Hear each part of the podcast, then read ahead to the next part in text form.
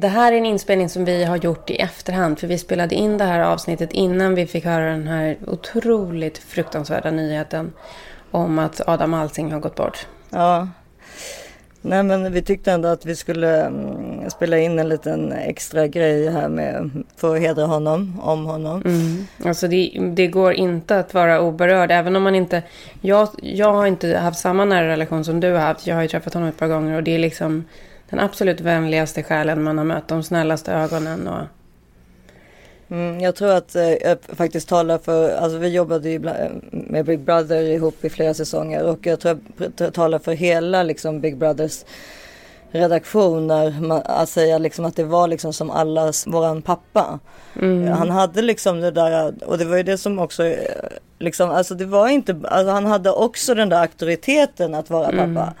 Eh, alltså, och respekten och samtidigt den där värmen och att också få en att känna sig. Jag kände mig alltid som om jag var den som han tyckte bäst om. Mm. Men så kände sig varenda människa i hans närhet. Alltså sån himla fin person. Alltså han lyckades liksom med den grejen att liksom att vara att alla kände sig liksom speciella. Mm. Ja, eh, det var liksom under Big Brother tiden. Sen har ju vi genom åren då haft kontakt eh, sporadiskt hit och dit. Och nu senast då när vi startade vår podd så var han ju liksom och då när man skick, jag skickade då självklart till honom eh, då avsnittet och sådär. Och jag menar vanliga människor de kanske möjligtvis lägger ut på Insta för att man är kompisar men man, liksom, man orkar knappt lyssna på programmet liksom.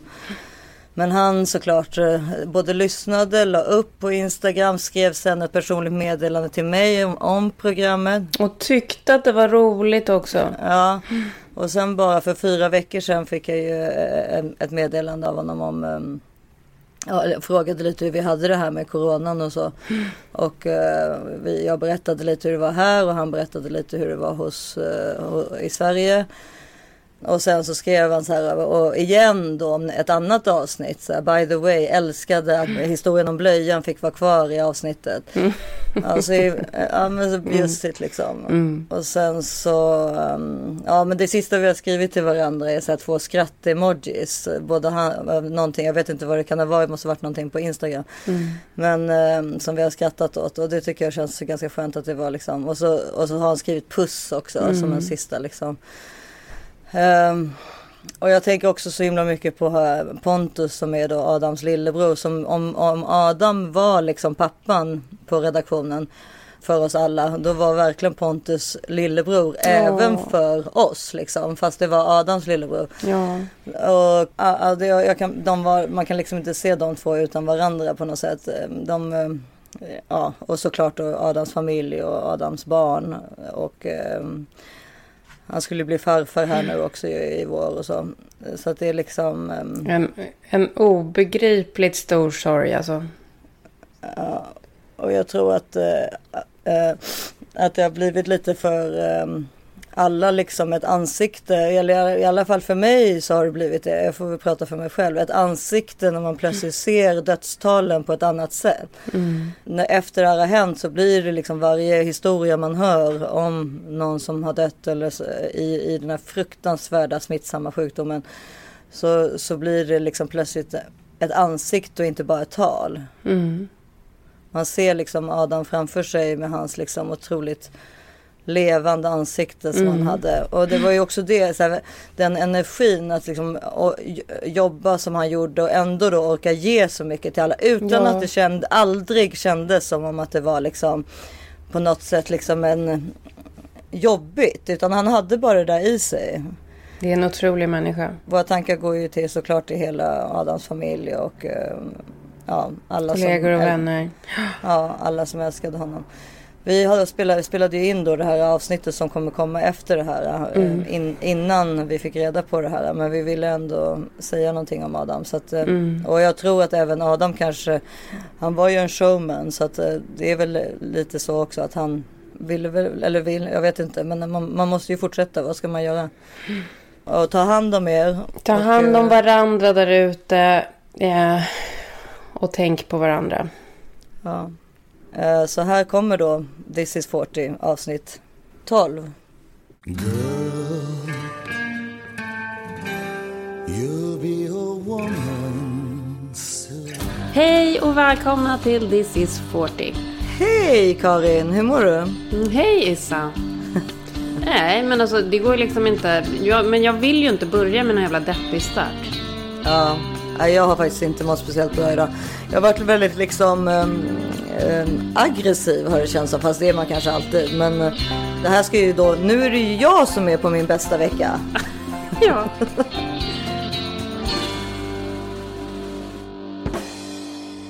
Men nu, men nu så här, jag tycker så här, det PMS eller de här grejerna, det spelar liksom ingen som helst roll i dagsläget. För nu är det ju bara hela det här jävla totalläget som är så otroligt jobbigt och långsamt och bara, alltså det är så tråkigt. Ja, men man blir ju väldigt irriterad hela, hela tiden av att vara på varandra liksom. Ja. Uh. Vi hade ju för sig en sjukt mysig morgon, för det här är ju Caesars födelsedag, han fyller 11 idag. Ja. Så vi har ju haft världens mysigaste födelsedagsstart. Så egentligen så är det ju ganska bra. Mm. Men det är precis som jag sa, det är liksom så här, det här som är, det är precis som den där emojin som har liksom en rak mun och raka ögon. Mm. Men ähm, ja, jag såg jag, jag tycker också att det är så himla, alltså om jag hade varit jättekänd. Mm. Va? Är du inte det? Nej, det tror jag inte.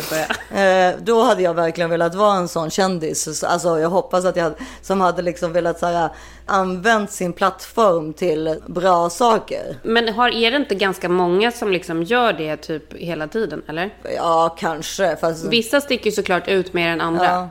Och det är väl också för att de plötsligt inte får någon mer uppmärksamhet när de är hemma. De är ju så vana att få så himla mycket folk mm. som tittar på dem och som alltså, var med i tidningarna eller var med mm. göra en, en, ny video eller en ny film eller så. Nu är det ju mm. liksom... Mm. Men det här är ju jobbigt för alla människor på hela spektrumet. Både så här kändisar och vanlisar. Ja. Man är så osedd så att det är så här, folk gör ju mer än någonsin på Instagram eller på TikTok. Och, alltså alla känner ju att de behöver gå, gå ute där för att få liksom likesen. Ja men precis. De har ju behov av den här uppmärksamheten. Alltså såklart, om man är kändis är man väl oftast kanske både introvert och exhibitionist. Är det inte lite mm. ofta så? Jo, jo. Konstigt nog. Men, jo, det tror jag. Absolut. Men då, jag såg i alla fall nu i helgen så hade ju Puff Daddy eller P Diddy eller Sean Combs eller vad han nu mm. heter. Nej, men han är väl P Diddy nu för tiden va? Eller? Ja. Jag tror P Diddy, ja. ja. Um, men det borde du veta för du är ett big fan. Du har ju pratat om honom i åratal. Ja, men jag gillar honom. Jag, jag, stött, jag, cykl, jag var ju på Soulcycle med honom en gång. Mm. Alltså vi, vi, vi tränade i samma klass och då var man ju... Ni go way back. We go way back. Nej men då, då var han så jäkla gullig. Det var liksom mot eh, den tjejen som satt bredvid. Ja, men han verkar, verkar vara en väldigt, liksom, eller han verkar ju ha blivit med åldern får man väl ändå säga då, en väldigt gullig person. Mm. Alltså han var ju en värsta bad boyen, alltså Crips, alltså. Det tror jag också. Eller det vet man ju. Ja, han har ju blivit absolut. tagen på nattklubbar med pistoler mm. där, alltså under New York-tiden ja. och liksom både... Nej, alltså, var, var det inte så att han till och med hade en pistol någon gång när han var ute med J Lo? Jo, det var ju det han var. Ja. Han han, blev ju tagen när han var ute med J Lo. Men, ja, det är liksom men, en helt annan värld. Ja, men nu då så har ju han då först ja, gått igenom förra året så dog ju hans eh, mamma till hans eh, tre barn och sen har han adopterat hennes fjärde barn som mm. han, hon hade med en annan innan de träffades. Mm. Hon dog ju i en, ja, i en influensa eller det visade sig vara då en, en lunginflammation. Det hade gått ner till lungorna. Så hemskt alltså. Det, jag tror att det var i slutet av 2018. Mm, och de var, men de, de var ju liksom skilda, men de var väl typ eh, väldigt nära ändå? Eh, ja, men ja, de verkade ju ha leva som gifta fast inte som par kan man mm. väl säga. Alltså de verkade vara extremt nära varandra. Och till och med så också för att de hade ju två tvillingar ihop. Och så visade det ju sig att han samtidigt hade råkat få en annan tjej med barn som också mm. behöll sitt barn. Så det finns ju tre tjejer i samma ålder fast med då två olika mammor. Mm. ja. Mycket blir det alltså. ja, precis. Och hon, det känns som om han har liksom verkligen varit med om ganska mycket döds... Alltså han har varit med om mycket jobbiga saker de sista mm. åren. Det, många människor i hans närhet som har gått bort. Igår i alla fall, eller om det var i lördags, alltså någon gång under helgen så hade han då en Instagram dance-a-ton. Mm. So we're here for the healthcare workers. It's a fundraiser, it's something disruptive, but we're gonna party, we're gonna dance. Shout out to New York, Harlem, what's up? Shout out to Harlem Hospital. D Nice, let's set the tone. Let's let the party begin. Spread the word. The dance-a-thon has begun. Harlem, I see you. Harlem Hospital, I see you. Nurses, I see you. Let's go! Alltså, jag vet inte hur länge han höll på, i tio timmar tror jag, och dansade med olika kändisar för en sån här non-profit fundraiser som, um, för coronan. Mm. Det heter Direct Relief, den, eh, som de försökte få ihop pengar till. Det var helt otroligt, det var så jäkla kul. Jag vet, och det, det, för den dök upp så här i mitt flöde hela tiden. Så här, nu är han live, nu är han live. Jag gick liksom aldrig in och tittade, jag fattade inte vad det var riktigt. Nej. Men nu förstod jag ju det efteråt när du berättade. Ja, det var så otroligt. Alla kändisar som dök upp. Och plötsligt dyker också J Lo och, A-Rod ja. upp. Ja. Hey, what's up? How, how you doing, mommy? I'm good. I'm good. We're great. We're blessed, and we're happy to be here today uh, to support you. Hey, Rod, what's going on, player, player? Cheers, my brother. Cheers, Cheers. my brother. Cheers, Presidente, to life, to love to the healthcare workers. You know, Everybody on the front lines right now. It's crazy out there. I appreciate y'all giving us your time. I, I want you to just say something to the healthcare workers before, you know, I let y'all get back to your Easter. And, um, you know, because cause, cause your, your, your voice is a real source of inspiration, both of you guys. Yeah, go ahead, baby. No, No, no, you- you no, go first. The queen, the queen first. Go ahead, baby. Yeah, th- No, for me, it's just about you know. there's- Vad är han till henne liksom? Som en hund typ? Nej men han är ju hennes absolut största fan. Jag kan garva åt det men jag tycker också att det finns någonting otroligt gulligt i hur han liksom avgudar henne. Han totalt avgudar henne. Ja, han verkar, precis, han verkar verkligen... Han tycker liksom att hon är det absolut mäktigaste, vackraste, bästa som, som finns liksom. Ja, hon är ju ganska läcker om man säger Men så. alltså verkligen, det kan man ju förstå. Alltså man kan Ja. verkligen förstå honom för det. Yeah! Yeah. Hey, yo, I love you guys. I can't wait till we could see each other again. I May know. God bless y'all. And um, I just love you guys. Love you. Love you. Happy love Easter. You. We love what you're Ja, doing. nej men och, och då dansade och sen var Drake med, ja det var det ena efter Och det roliga var ju att alla var ju så fulla. Men var det live hela tiden eller? Ja, och det höll på i tio, alltså hur många timmar, och alla, och Puff Daddy själv blev ju, eller P Diddy blev ju fullare och fullare. Mm. Och alltså alla såklart, det här var ju, alltså, det var ju liksom ett party. Så Ja, folk var ju liksom väldigt berusade. Och Ja. det, överlag är ju det ganska kul med liksom. Ja, det är klart det. Ja men även med Instagram, alltså när Instagram kom kommer man ju ihåg så här, följer du Ashton Kutcher? Ja. Kommer du ihåg det? Att det Ja. var så här, helt otroligt Ja. att liksom, han kunde ha ett Instagram. Ja, men Alltså man, får det- plötsligt- man får helt plötsligt ta del av deras så här riktiga liv. Det som liksom paparazzisarna har försökt liksom snika till sig bjuder de nu på helt gratis. Framförallt trodde man väl det från början att det var så i alla Mm. fall. Nu känner man väl att, och även en själv, alla har väl ett fake, alltså att man kanske, det ser väldigt mycket glammigare och härligare ut än vad det kanske är i verkligheten. Men, Absolut. och så är det väl säkert med kändisarna också. Ja, det är klart att det är. Men det är, ganska, men... det är många som ändå så här, det känns ganska ärligt. Och om någon kör en sån där grej att de är liksom live i flera timmar, det är väl klart att det är väldigt mycket ärliga sidor som man får ta del av. Ja, och det var ju liksom även deras, hennes, hans barn då var ju med och sådär. Och de dansade, det var liksom som en stor, det var som en 10 timmars TikTok liksom. I love y'all. Y'all have a good night. Thank Yeah, y'all. too. Bye. Hey, yo, no, hold on, hold on. Cardi. Cardi, we just crossed the $4 million mark. We just raised $4 million. Ja, men det är faktiskt otroligt. Men och sen så är det ju också att jag började ju följa honom efter att du pratade om honom för något år sedan. Det som är väldigt härligt med honom är att det som man har tyckt, trott var hans så tuffa image utåt är väldigt så här, otuff nu för tiden. Det är ju otroligt mycket hyllningar då till mamman till de här barnen som har gått bort. Och han känns väldigt så här ärlig i liksom hur han kämpar med barnen och Ja, och i hans sorg och så. Ja, exakt. Det är ju hemskt, hennes död var ju liksom, alltså det var ju ingen som hade, jag tror till och med att man liksom lite visste att hon var sjuk innan. Alltså hon hade liksom lite influensa typ. Jag vet inte varför man visste det. Han hade väl kanske skrivit det på sitt Instagram eller någonting. Och sen plötsligt på, en, alltså på natten liksom, hade hon, var, hon var själv, hittades liksom död nästa morgon. helt fruktansvärt. Alltså det är så hemskt. Ung också. Ja, hon, precis, hon var väl 45 eller något sånt där. Och då tänkte man ju som man alltid gör för att man är cynisk att ja, men då har du väl med drog, då är det väl drogrelaterat. Det tror man alltid om någon som är känd som dör tidigt. Precis, men sen visade det ju sig då att det bara var en, en va- vanlig eh, influensa helt enkelt. Men det är intressant att du tar upp det där med att man alltid liksom tänker att det är droger involverade när, Ja, när någon dör. För jag kom på att jag hade tänkt att prata om... Är du klar med Diddy? Nej. ja alltså vi kan väl gå fram och tillbaka men ja. Ja, vi kan gå fram och tillbaka. Nej, men jag har massa grejer som jag vill prata om som också relaterar till Diddy. Men det jag kände relaterar mest till det här just nu är att jag häromkvällen såg Bodyguard med barnen. Den är ju alltså så bra. Det är jättelänge sedan jag såg den. Åh herregud alltså. Gud och hur kär, alltså man var ju kär både i Whitney Houston Ja. och Kevin Costner. Nej, men den håller fortfarande. Alltså, Gör den det alltså? Jo, till och med barnen tyckte ju faktiskt det. Ja, det är ju vissa scener som är så sjukt dåliga och alltihopa. Men den, den håller verkligen liksom själva kärlekshistorien och, och, och själva liksom upplösningen och alltihopa. Den är ju ganska spännande på slutet. Det var så romantiskt alltså. Nej men det är så romantiskt. Alltså det är så romantiskt. Och sista så här, slutscenen. När de spelar I will always love you. Ja. Det är ju liksom helt otroligt. Vi måste avsluta podden med den versionen på den låten. Men alltså Det hennes väl- röst, finns det, det har väl aldrig funnits och kommer kanske aldrig finnas en sån röst som Whitney Houston hade. Nej, det har det inte. Och, så här, och hennes... Alltså så vacker som hon är och så ändå så här... Hon ska ju då föreställa superstjärna i filmen men är ju ändå väldigt så här naturlig. Det är ju inte liksom den looken som superstjärnor har idag med lösögonfransar och, och hela köret. Utan hon är väldigt naturlig och... Nej men så vacker.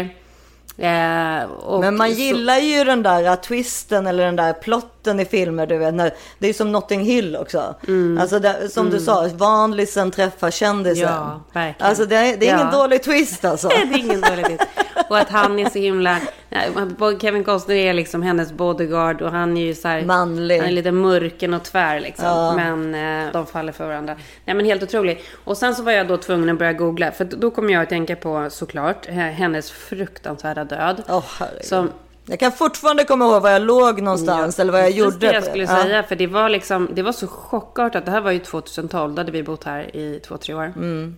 Jag minns verkligen det här så väl. För det var i dagar som våra grannar spelade hennes musik bara om och om, och om igen på liksom Mm. stora högtalarna. Och så låg man och kollade på den här begravningen. Alltså det var ju sån otrolig tragedi. Det var ju så mycket så här sjuka... Alltså jag vet inte om du minns det, men du kommer ihåg att hon skulle ju... Hon skulle ju uppträda på ett, på ett Grammisparty. På Clive Davis Grammisparty på Beverly, Beverly Hilton var det, Beverly? Hilton. Där, där alltid den här Clive Davis Grammys Party är varje år. Han har ju den fortfarande varje år. Ja, men det sjuka var ju att hon skulle uppträda på det här Grammispartyt. Eh, hittas ju i badkaret på dagen eh, av någon städerska. Mm. Och sen så visade det sig då att hon hade både kokain i blodet och lite andra grejer. Och hade ju, det visade sig att hon hade ett hjärtfel också. Så Ja. hon, hon hade väl dött av någon infarkt till följd av drogmissbruk i kombination med att hon då hade hjärtfel. Mm. Men det sjuka var ju att eh, den här festen faktiskt fort, alltså den hölls trots att hon inte ens liksom hade åkt iväg i likbilen från hotellet. Nej, Det är verkligen show must go on. Ja, nej men och då var det ju så många som var så otroligt kritiska till det. För att hon, hon var ju liksom en megadiva och alla var så här, det skulle hon aldrig någonsin ha gått med på. Utan allt skulle ha stannat upp om det liksom, om hon hade varit det- i livet och visste att hon var Det, död. det, det som var intressant med henne var ju också att man liksom inte riktigt hade koll på att hon var en sån drogare. Man trodde liksom att hon var ganska präktig, har jag för mig. Eller? Jo, nej men så här var det. Jag, jag gick ju igenom hela historien nu när jag läste och då var det ju verkligen så här. Hon var ju superpräktig under 80 och 90-talet. Det som vi verkligen växte upp med.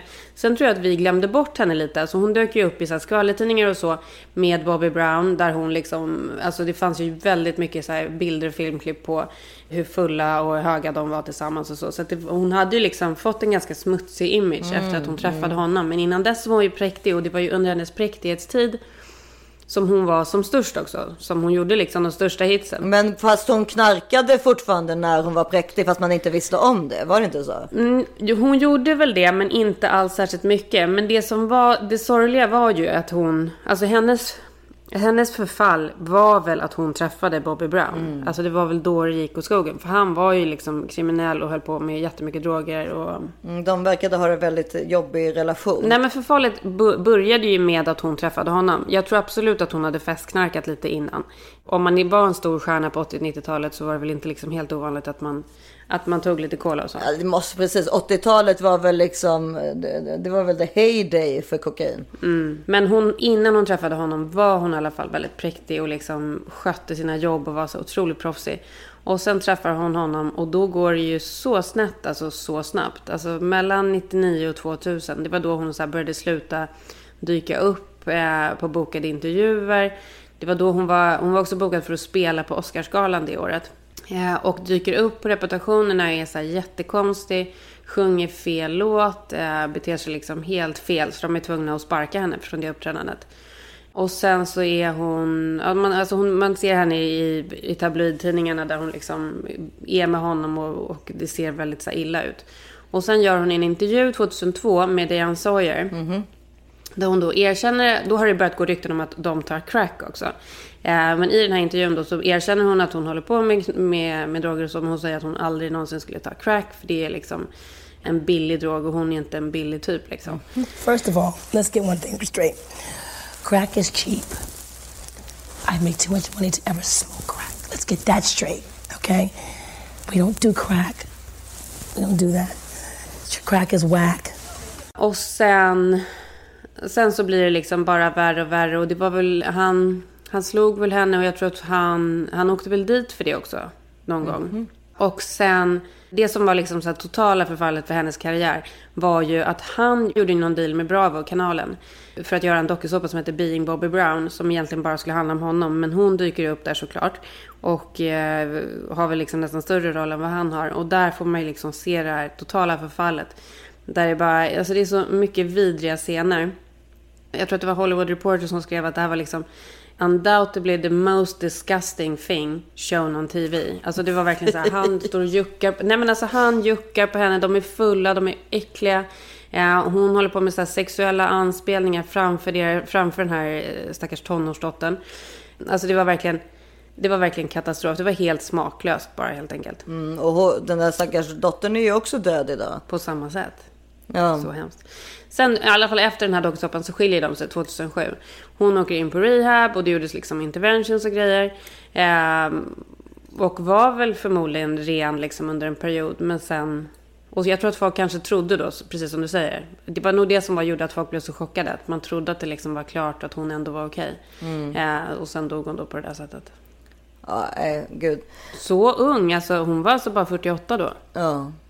Nej, men för det är också liksom lite sådär samma, alltså veckan, ja det här har ju inte med Whitney Houston att göra, men veckan innan um, Elin äh, Vem? Är Tiger Woods ja, pratar om, veckan innan Elin slog Tiger Woods med en golfklubba. Är det samma år? Nej, det vet jag inte. Men jag menar att veckan innan det så jag vet att jag pratade med Filip om så här, fy fan, för vi, jag kollar ganska mycket på golf. Jag tycker det är en väldigt skön sport att titta på. Jag spelar även golf. Men, och då det var ju när Tiger Woods liksom egentligen var som störst kan man ju säga. Och då var, kommer jag ihåg att jag tyckte liksom att åh, det måste vara så vidrigt att leva med honom. Mm. Varför, varför tänkte du det? Då, ja, men då tänkte jag liksom att han var, att han var så oerhört präktig och du vet säkert upp klockan sju och det ska ätas gröt Ah, ja. och sen så ska man liksom Ja, ut på han drive. var någon slags Gunde Svan i golfen liksom. Ja. Ja men exakt. Sen ska man på gymmet och sen ska man träna på, på liksom eh, driving rangen och sen ska man ut och spela. Det måste vara så oerhört tråkigt. Och, det var så, och så veckan efter det, det var ju Thanksgiving något då som där hände. Så alla i hela USA var ju lediga också.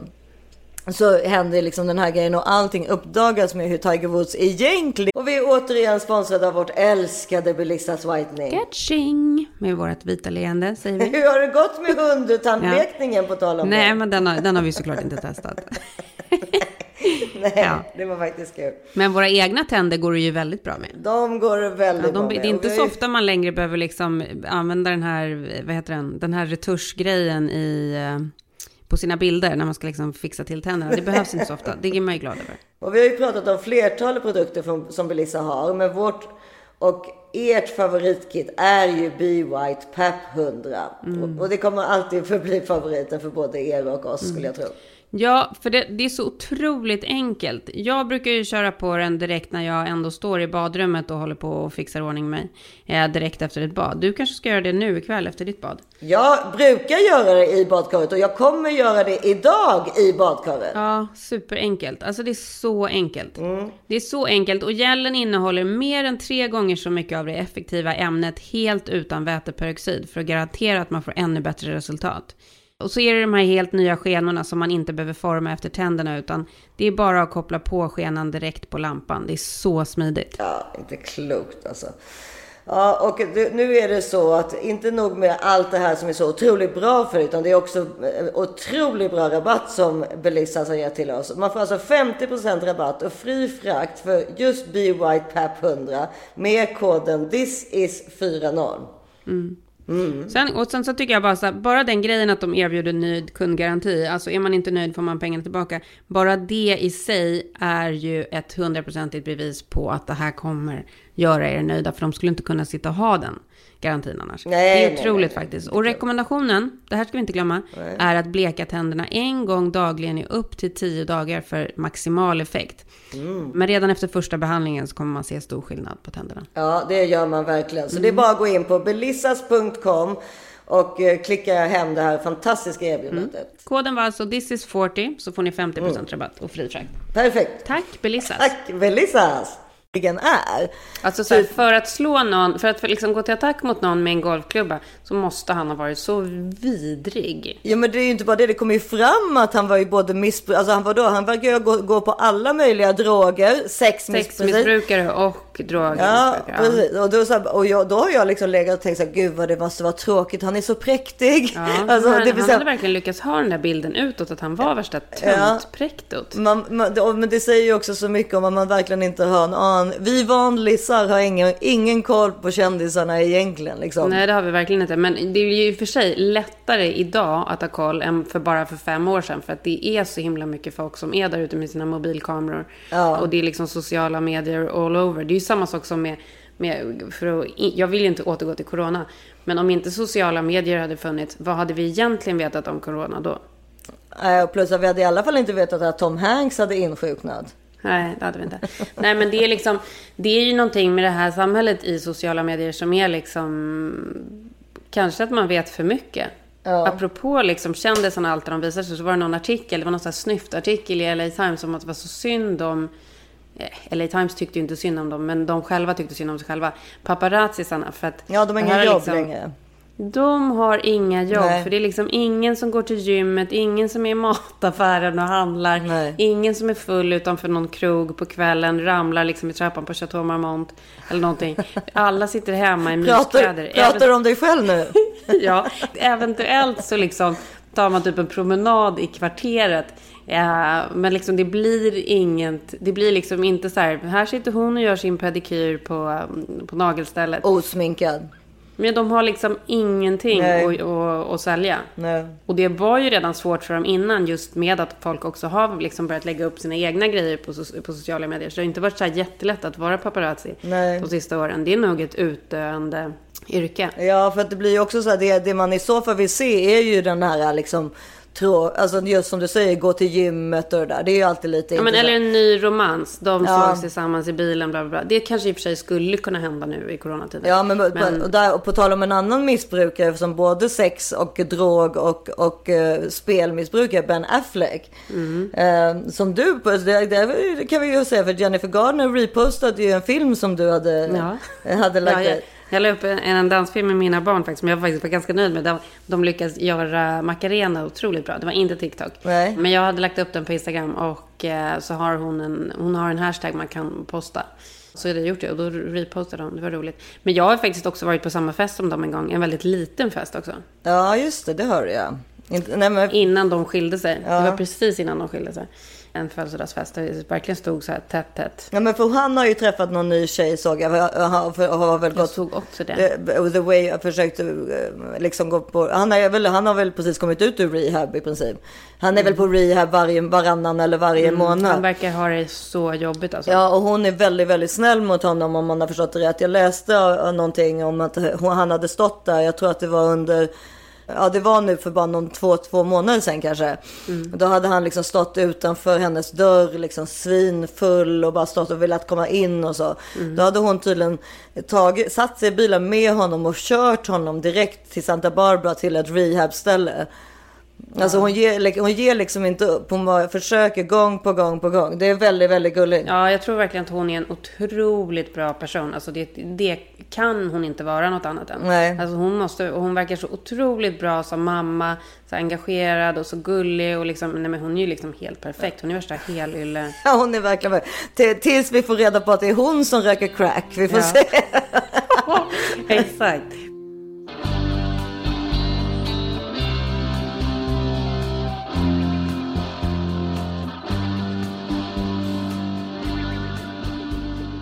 Och den här veckan fortsätter vårt samarbete med Verlabs som är en helt otrolig grej. Åh, vad vi älskar dem alltså. Det är en hälsokontroll genom ett blodprov som man köper då på verlabs.se. Ja, och då skickas ju en digital remiss. Så vanligtvis är den giltig i tre månader. Men om man inte hunnit ta testet inom den tiden så kan man höra av sig till dem och få den förlängd i tre månader till. Och det är på grund av läget som är i världen just nu. Det är ju toppen. Verkligen. Eh, ja, men det är ju så otroligt jobbiga tider. Men det är ju, alltså man går ju runt och tänker på sin hälsa, det gör man ju nästan alltid. Men nu är det såklart ännu, ännu större fokus på det. Man ligger ju varenda natt och undrar vad man har för olika symptom, om det är någonting fel på en. Och Verlabs arbetar ju förebyggande, det är det som är så skönt. Precis. Till exempel som med mig så var det ju så att jag hade ju problem med min köldkörtel. Ja. Jag har inte struma eller så, men jag hade liksom dåliga siffror. Och började då ta Levaxin tidigare än vad jag, om, annars hade jag liksom utvecklat struma, vilket är en ganska farlig sjukdom. Ja, jättehemskt. Vad jag kände var, för det första försökte jag bli gravid, vilket Mm. inte gick. Och sen så var jag trött och håret och naglarna och, jag, jag, energilös. Ja, allt det där liksom som man, man tror deppig. Mm. Ja, som man tror kanske är liksom relaterat till typ att eh, stress eller så. Men så visade det sig att jag hade liksom jättedåliga nivåer på min eh, köldkörtel. Ja. Det var ju toppen att jag kunde se det i tid. För sådana saker är ju liksom så bra. Man liksom tar Ja, men det är ju det är verkligen det man vill. För att det är ju det man, man går ju alltid runt också och misstänker att det är någonting. Ja, om man gud. liksom är håglös eller trött eller om det är någonting. Och ibland så är det ju faktiskt något. Alltså. Ja, men precis. Ja. Och, och då är det ju så otroligt mycket bättre att förebygga det innan det blir riktigt allvarligt. Så blodprov är verkligen viktigt att ta. Framförallt i dessa tider också när man vill Mm. Verkligen. veta hur ens immunförsvar ligger till och hur, att man har rätt liksom, balans på alla vitaminer och mineraler i kroppen och sådär. Det är så viktigt. Ja, men det är superviktigt. Och det är det här XL plus-testet då som vi pratar om framförallt. Alltså det finns ju olika typer av test, men XL plus är ju helt otroligt. För det mäter 43 olika markörer och det är åtta olika hälsoområden. Som är liksom allt från de här stora, diabetes, Järn, D-vitamin som också är jätteviktigt till exempel. Mm. Som också kan förebygga till exempel om man känner sig deprimerad. verkligen. Och det som också är grejen med köldkörteln är att den reglerar ju hela vår ämnesomsättning. Man kan både ha överfunktion och underfunktion, men de, de flesta kvinnor, har, eller det är vanligare att kvinnor har en underfunktion. Och det är ju då man känner sig trött, energilös, deppig. Och man har liksom en känsla sådär som typ du och jag har varje dag, att någonting är fel. Men man kan liksom inte veta, men man vet liksom inte vad det är. men, Alltså det är så jobbigt. Men- för det, det är skönt för dig att du har förklaringen på det. Ja men nu tar jag, jag, jag äter ju Levaxin för det. Men, men Verlabs hälsokontroll genom ett blodprov kan du alltså få reda på om det faktiskt är någon köldkörtel som det är fel på. Helt otroligt. Ja, och så att blodprov är verkligen, det ska man verkligen göra minst en gång om året. Absolut. För att se till att man har koll på sin hälsa. Absolut. Ja, men att kolla så här, som vi som har hjärtsjukdomar i släkten, man vill ju veta hur kolesterolet ligger och, Ja, och alla de olika sakerna. Vi tycker att ni ska gå in på verlabs.se och köpa er hälsokontroll där. Ja, men det är W-E-R-L-A-B-S, Verlabs. Med koden thisis40 och då är det 4-0, this is 4-0, så får ni 10% rabatt dessutom. Så gör verkligen det här nu. Ta hand om er själva och er hälsa. Det är liksom det viktigaste ni kan göra för er själva. Ja, följ, förstå och förbättra din hälsa med ett enkelt blodprov från Verlabs. Do it! Yes.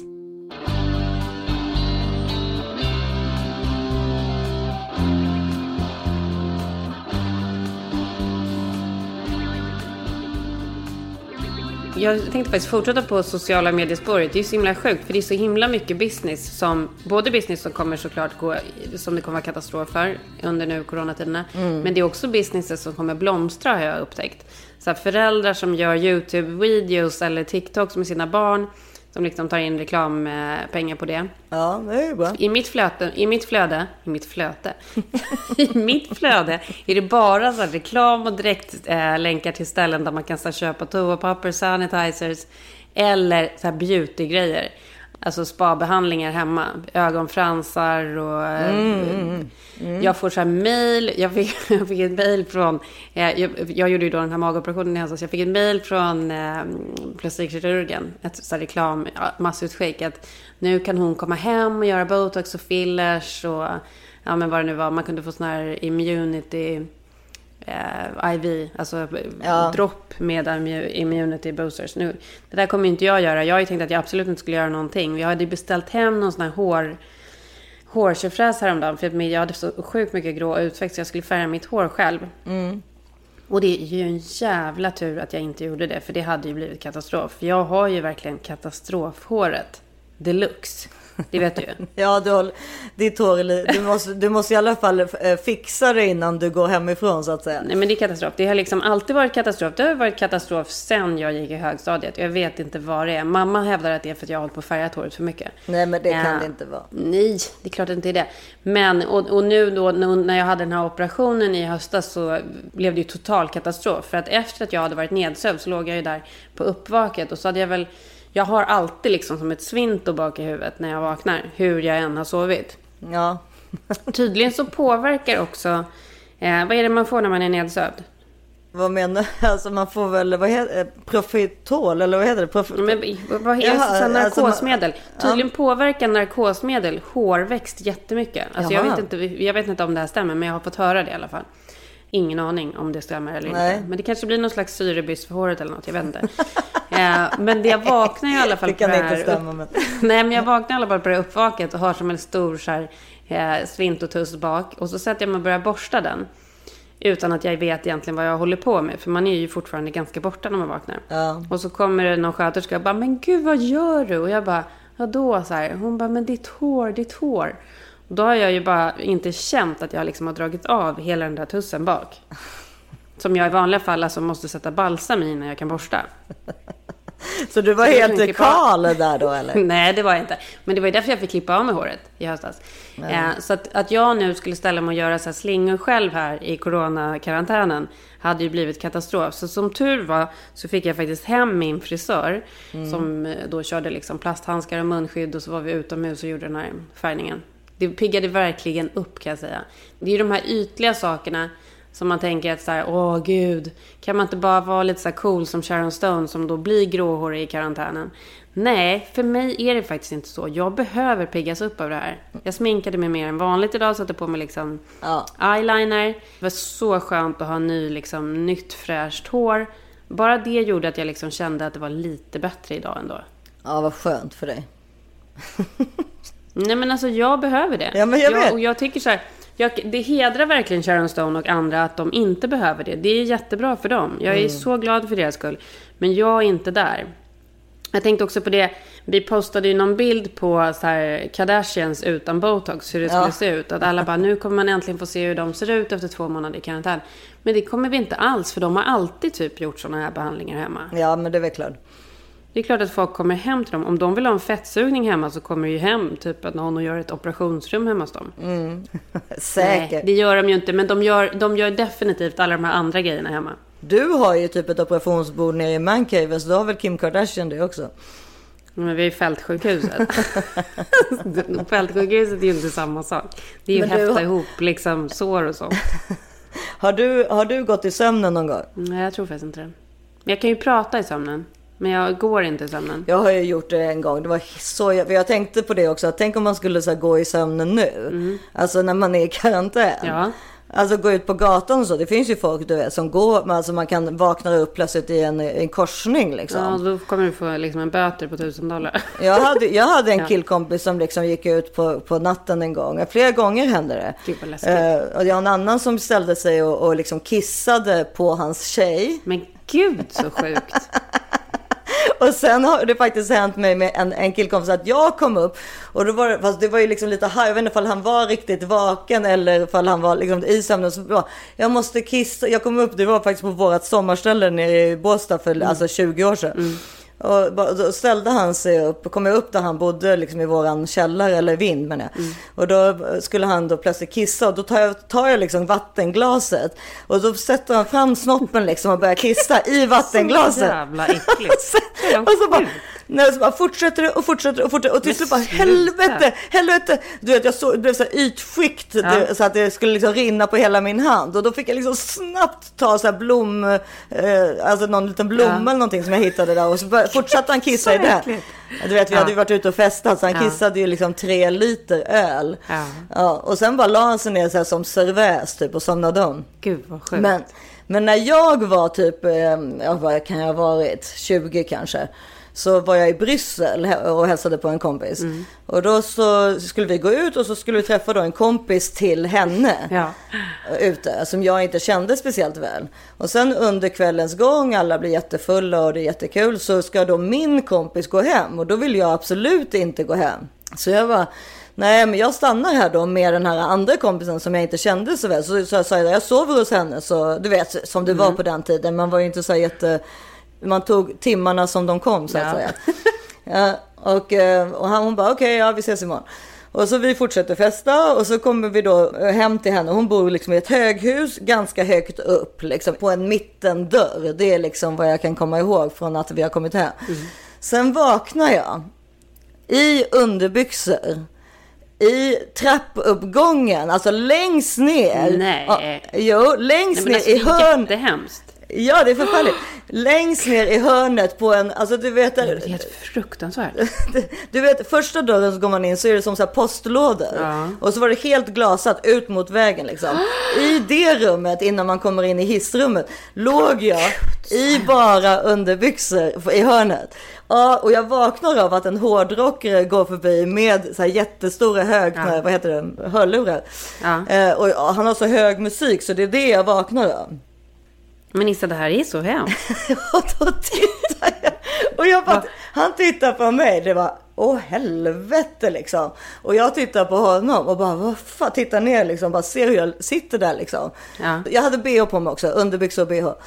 Ja, och han fortsätter ju bara gå. Han vågade ju inte stanna. Vilket jag i efterhand har tänkt så här, det var ju inte speciellt. Han måste ju trott att jag har blivit våldtagen eller någonting. Nej men alltså det är jättehemskt. Ja, men, men det värsta var, eller det värsta, men det sjuka var ju att jag kommer inte ihåg, det enda jag kommer ihåg ifrån att jag hade kommit hem var ju att han, hon bodde högt upp och att det var mittendörren. Så nu kom ju kampen om att börja hitta vart hon bodde. Med de här kläderna, eller med icke-kläder. Ja, nej men det är så hemskt. Det är så Ja, hemskt. men det, är då, så, så då börjar jag liksom med så här, ja, första dörren, jag tänkte det var typ så här, säg, vi säger 12 våningar. Och då började jag så här på åttan. Ringer på mittendörren, då hör jag ju hur någon, det här kanske är så här åtta på morgonen då. Ja. Då hör jag hur någon liksom går och tittar, ställer sig och tittar liksom på den här, du vet, ögon, Ja. får titta ut. Nej, öppnar inte, säger ingenting. Och jag bara så, nej då är det väl inte hon. Så nästa, tre dörrar får jag eh, ringa på innan jag hör så här, vem är det? Ja. Jag bara, det är Issa för i helvete, öppna! Ja. Hon bara, och då när hon öppnar och ser mig, hon bara, men vad, vad, vad, vad, vad? Hon förstod ju absolut ingenting. Men då Nej, hade, jag bara, hade jag, du alltså gått i sömnen. Ja, och det, Det, det, är är det egentligen, sjukaste. Ja, det är egentligen den enda gången jag har, egentligen på riktigt har gjort det. Men jag har liksom lite så små tendenser av att eh, smågå i sömn och sådär. Ja, det där är ju mardrömmen alltså. Men jag, jag har ju aldrig gått längre än, än till trappuppgången. Men, men det finns ju folk som du vet, öppna fönster och Ja, det är alltså, det finns ju Det är så jävla läskigt alltså. Ja, alltså som verkligen har liksom... Ja, som sagt, jag hade då en killkompis som vaknade upp liksom i korsningen på Värtavägen. Alltså hade gått långt. Ja, men det är helt sjukt alltså. Det är länge sedan jag har hört någon sån historia faktiskt. Det är ganska ovanligt ändå. Men jag såg ju den där, den här andra otroligt eh, magstarka filmen Step Brothers med Will Ferrell häromkvällen. När då... de är Mm. Älskar Will ja, men, Ferrell, alltså, den, men du har sett den filmen såklart. Ja men det är väl klart, jag har sett Ja. allt. Men både jag och barnen älskar ju honom. Nej men och den är ju så jävla sjuk och den är så jävla bizarr. Alltså den, den, den är ju liksom, det är som att man hallucinerar nästan när man ser vissa av de här scenerna. Bland annat då med de här två vuxna styvbrorsorna. När de också ska gå i sömnen tillsammans på nätterna.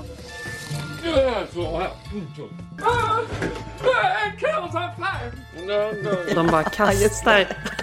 Vad är det? Jag vet inte ens vad de gör. De är helt sinnessjuka och bara kastar grejer på varandra, stoppar in handväskor i ugnarna, pratar och skriker och kramas och liksom. Den här mamman och pappan, de har så mycket tålamod. Det är Ja, så den otroligt gulligt. Den är så jävla sjuk, men så rolig. Oh my god. Maybe Dale left the back door open and raccoons Oh got in. Uh, Nancy, is this your purse in the freezer? Yes. It's Brennan. He sleepwalks and he always puts my purse in the freezer. Dale sleepwalks too. Are you kidding me? I'm not. Look in the oven. Det är en störd film. Ja, det är det. Kan vi tipsa om? Ja, verkligen. Och även de här, äh, heter de inte Daddy's Home? Jo, det som. Nej men allt med Will Ja. Ferrell är roligt. Min, och en, min gamla, gamla favorit är Old School. Ja, ja, ja, såklart. Så jävla rolig. Men du, eh, nu, eh, nu ska jag faktiskt ta fortsätta fira Caesar. Vi ska ut och han har fått lite så olika remote control styrda grejer. Ja, vart går ni då någonstans? Eh, En bil från farmor och någon drönare och lite annat. Så vi ska ut och köra dem här på gatan. Jag lovar att vi ska göra det. Jag sa till Filip så här, "Nej, men jag måste skynda mig för att Karin ska iväg klockan två. Iväg? Vart då någonstans? Ja, Ja, men det- ja, det får man, man får inte åka Nej, det, det är Caesars födelsedag. Ja, men de har ingenstans att åka. Jag bara, men jag frågade inte var. Jag, jag, jag vet inte vart han skulle. Jag bara vet att hon måste vara färdig klockan två. Ja, nej men det är att de slutar skolan då. De slutar den här homeschoolingen den tiden på morgonen. Ja, men vi har tappat det helt i våran familj kan jag säga. Det är liksom... Det, Men har ni ens påsklov nej, vi- är det skola? det är skola. Men det har liksom, sen påsklovet som var förra veckan så har det bara blivit, alltså det är sån High Chaparral hemma hos oss. Så att det är något helt sjukt alltså. Det är liksom... Men vi pratar ju typ aldrig om det med eran flytt. För det har jag också funderat på. För det måste också kännas lite så här svårmotiverat. Både med homeschooling i samband med att man ändå ska lämna den här skolan och åka till Sverige. Och ta upp liksom skolan där. Ja, och det, det ska ju folk veta också att oftast när man flyttar hem till Sverige så får, man ju, får ju barnen gå om ett år för att här börjar ju man ju ett år tidigare. Så att eh, det kommer de ju säkert göra. Så att nej, vi, det är klart man har inte något jätteengagemang på att de, inte ett jätteengagemang på att de i alla fall ska vara bra i skolan. Men det är ju det att det gör ju, gör ju att det blir någon sorts rutin på dagen. Jag vet. Men det är också så här. Jag klagade ju på det förra veckan. Men det är ju ändå ganska skönt med springbreaket. När man liksom verkligen bara kunde ligga kvar i sängen. Ja, nej men alltså vi har tappat det. Vi, vi ligger som så här pöshögar och går upp Ja. så vid 10-11 och sen så bara äter ingen, man äter typ frukost och lunch samtidigt och sen så går man, är det någon som gör någon skola i någon timme och sen så bara, "Ha, vad ska vi göra nu? Alltså det är liksom, Nej men men det är ju så sjukt. För det, det var faktiskt så jävla kul. För det sa ju min frisör Barbara till mig. Och jag bara, men hur har det varit då för dig? För det, hon hade ju varit i karantän i sex veckor. Hon har gjort ytterst få liksom, sådana här utstickare. Hon har blandat till färg åt folk och sen har hon lämnat utanför dörren så får man betala på hennes Venmo. ja. Men ibland så gjorde hon då ett sånt här undantag. Hon bara, men det är så skönt att komma ut. För att det är så sjukt. Och hon bara, förra veckan så var det någon morgon där hon hade gått upp. Hon visste inte vad klockan var eller någonting. Och hon har inga barn heller. Och hon är mm, runt 50 liksom. Ja, och har en härlig man och de har ett så här sjukt härligt liv. Men då, då har man kanske ännu mindre åtaganden så att säga under dagen. Så då hade hon kommit upp på morgonen. Och eh, han hade stått och gjort någon sån här jättegod brunchfrukost och hon bara, nej men nu tycker jag att det är läge för en, för en cocktail. Ja. Och då hade de börjat morgonen med liksom champagnecocktails. ja min not, gud liksom. vad trevligt. Och hur bra som helst ju, i karantän. Man Ja, måste ju ändå få ha lite trevligt. ja, ja, ja, gud. En vodka tonic vid 4-5 tiden, det slår aldrig fel. Nej. Så är det. Men nu ska jag i alla fall ut och fira lilla födelsedagsbarnet. Ja, kul. Tills ni hör oss igen nästa vecka hittar ni oss på Instagram som thisis40podd.